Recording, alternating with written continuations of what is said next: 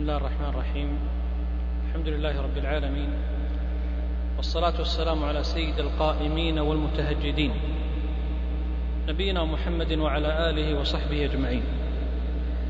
أيها الأحبة في الله نحن في فصل الشتاء.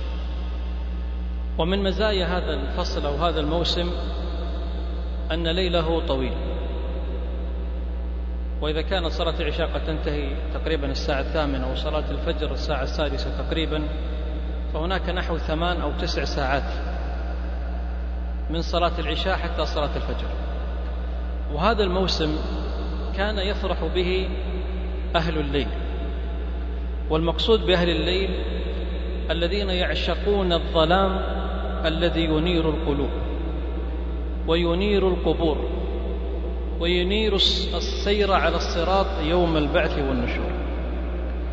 قيام الليل عبادة عظيمة وأصبحت نادرة عند الكثيرين. فكثير منا أيها الأكارم يعتني بالصلوات الخمس وهذا جميل وسبب إلى دخول الجنة. ولكن طالب المعالي وصاحب المجد والذي لديه الطموح الكبير في جنات الخلود يسابق إلى أن ينتصب بين يدي الرحمن في جوف الليل. وإذا نظرت إلى آيات الكتاب العزيز وإلى سيرة النبي الكريم عليه الصلاة والسلام وعلاقته بالليل ثم نظرت إلى سير السلف رضي الله عنهم رأيت العجب العجاب. لما ذكر الله المتقين حتى نعلم أن أهل التقوى لم يتصفوا فقط بمجرد الحب الذي يزعمه كثيرون أنهم يحبون الله وأنهم يطيعون الله بالقلب لا بد أن تصدر منك أعمال. لا بد أن تجاهد نفسك. مجاهدة حقيقية تدل على أنك تريد الجنة.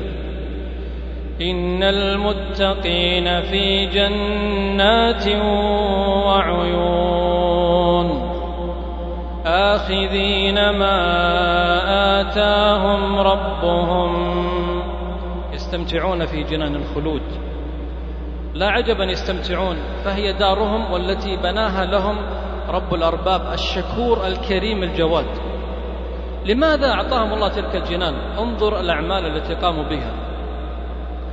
كانوا قليلا من الليل ما يهجعون. يا الله أين أصحاب الليل؟ كانوا قليلا من الليل ما يهجعون. فإذا زاد الليل وزاد الدموع وزاد الخشوع وقرب الفجر وقرب الوقت الذي يفصل بينهم وبين تلك المناجاة التي لها طعم غريب يشعرون بحاجتهم وافتقارهم إلى ربهم فيختمون الصلاة بالإستغفار والإعتذار لرب العالمين. كانوا قليلا من الليل ما يهجعون وبالأسحار هم يستغفرون.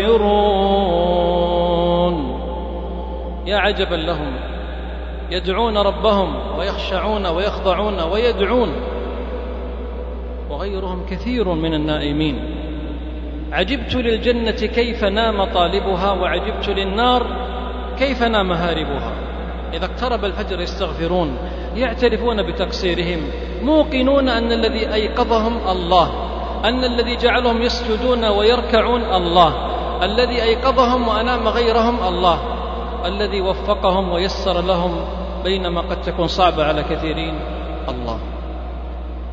وفي آية أخرى لما ذكر الله نعيم الجنة قال فلا تعلم نفس ما أخفي لهم من قرة أعين جزاء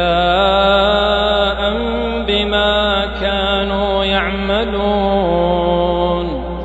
هذه الآية جاءت بعد إيش؟ بعد الآية التي تدل أنهم كانوا يقومون الليل. يدعون ربهم خوفا وطمعا. أمن هو قانت آناء الليل. لم يقل سهران يلعب أو يتمشى أو يلعب PlayStation أو يسهر على مباريات وقنوات. هذا قانت يعني القنوت والخضوع والخشوع.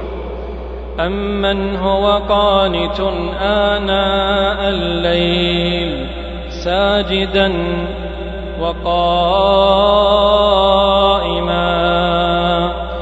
يحذر الآخرة.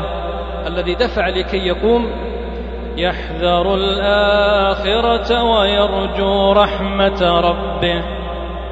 ثم يبين الله أنهم هؤلاء هم أهل العلم الحقيقي. ليس العلم أن تجمع معلومات وليس العلم أن تكون لديك شهادات. قل هل يستوي الذين يعلمون؟ الذين يعلمون علم وعمل وقيام وخشوع وبكاء بين يدي الله. نبينا صلى الله عليه وسلم كيف كانت علاقته بالليل؟ تقول عائشة رضي الله عنها كان النبي صلى الله عليه وسلم يقوم من الليل حتى تفطرت قدماه حتى تشققت. مغفور له ما تقدم من ذنبه وما تأخر. هو الذي اختاره الرحمن خليلا. هو أفضل البشر. لماذا يصلي؟ هذا السؤال سأله بلال.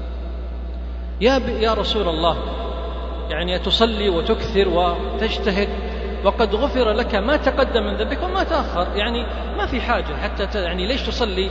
يعني تريد مغفرة مغفور لك ليش تصلي؟ يعني بلال يتساءل. فانظر الشكر الحقيقي. الشكر الحقيقي أيها الأكارم أن تزيد من الحسنات كأنك تشكر ربك ويستحق الشكر سبحانه. على ما أعطاك بالعبادة طبعا. قال صلى الله عليه وسلم العالم بربه الخائف من مولاة سبحانه وتعالى قال أفلا أكون عبدا شكورا؟ سعيد بن جبير من الصحابة الذين ثبت عنهم أنهم قرأوا القرآن كله في ركعة. عثمان رضي الله عفوا من التابعين عثمان رضي الله عنه ثبت عنه بإسناد صحيح أنه قرأ القرآن كله في ركعة. طبعا كلنا نستغرب ما في مشكلة نستغرب هذا الواقع. أحد أصحاب الليل من السلف كان يقوم الليل. ففجأة أو ليلة نام ولم يستيقظ فرأى امرأة من الحور العين يقول ليست من نساء الدنيا. هو لم يصلي تلك الليلة هو معتادا يصلي فتلك الليلة نام غلبت عيناه. فرأى امرأة جميلة جدا جدا جدا. يا أهل الليل هناك نساء متميزات لكم. إذا تركتم القنوات والراقصات والغانيات فالحور العين بانتظاركم. فلما رأى تلك المرأة تعجب وكأنه يطلب مهرها. يعني أريدك زوجة؟ قالت أنا لست من نساء الدنيا. إن كنت تريد مهري فمهري طول التهجد بين يدي الله. وأنشدت أتطلب مثلي؟ وعني تنام. وعين المحبين عنا حرام. فإنا خلقنا لكل امرئ كثير الصلاة طويل القيام. فقام يصلي. الذي لم يجرب صلاة الليل مسكين. يقول بعض السلف لولا الليل لما أحببت البقاء في الدنيا. ويقول سليمان الداراني يتكلم عن لذة الليل. إن أهل الليل بلذائذهم ألذ وأكثر شوقا مما يجدون من أهل الشهوات بشهواتهم. وآخر يقول منذ أربعين سنة ما أحزنني إلا طلوع الفجر. صلى معي رجل لما كنت في هذا الجامع كان عمره خمسين. قال يا شيخ أنا بسألك عن قيام الليل. أنا أصلي كل ليلة 11 ركعة ساعة ونصف. هل هذا يعتبر قيام ليل. قلت يا ليتني مثلك. أقسم لكم بالله أني قابلت شاب عمره تقريبا خمسة وعشرين. ففتح له في باب العبادة. فمع الحديث قال أبشرك يا شيخ. قلت أعطنا شوقنا إلى العبادة. قال بفضل الله تمر علي بعض الليالي. والله والله أنني أقرأ البقرة وآل عمران والنساء في ركعة واحدة. شاب معاصر كيف استطاع؟ لا تقل كيف. أحبه الله فاختاره لمناجاته. تأكد أنه لن يقوم آخر إلا أحد يصلي إلا وقد أيقظهم الله لذلك. أنا لا أريد أن أطيل. جاهد نفسك بقدر ما تستطيع قبل الفجر. نصف ساعة. توضأ وصل وادع ربك. رب العالمين ينزل. ويقول من يدعوني فأستجيب له. من يسألني فأعطيه. من يستغفرني فأغفر له. يا صاحب الحاجات يا أيها المهموم يا أيها المديون يا من لديه هم أو غم يا من يريد أن يتزوج يريد وظيفة يريد معاملة تريد أي شيء من أمور الدنيا أو أمور الآخرة. فمالك الملك هو الذي يقول من يدعو. أسأل ربي أن يجعلنا وإياكم من أهل الليل الذين أيقظهم لمناجاته وأشكركم على إنصاتكم. صلى الله على نبينا محمد.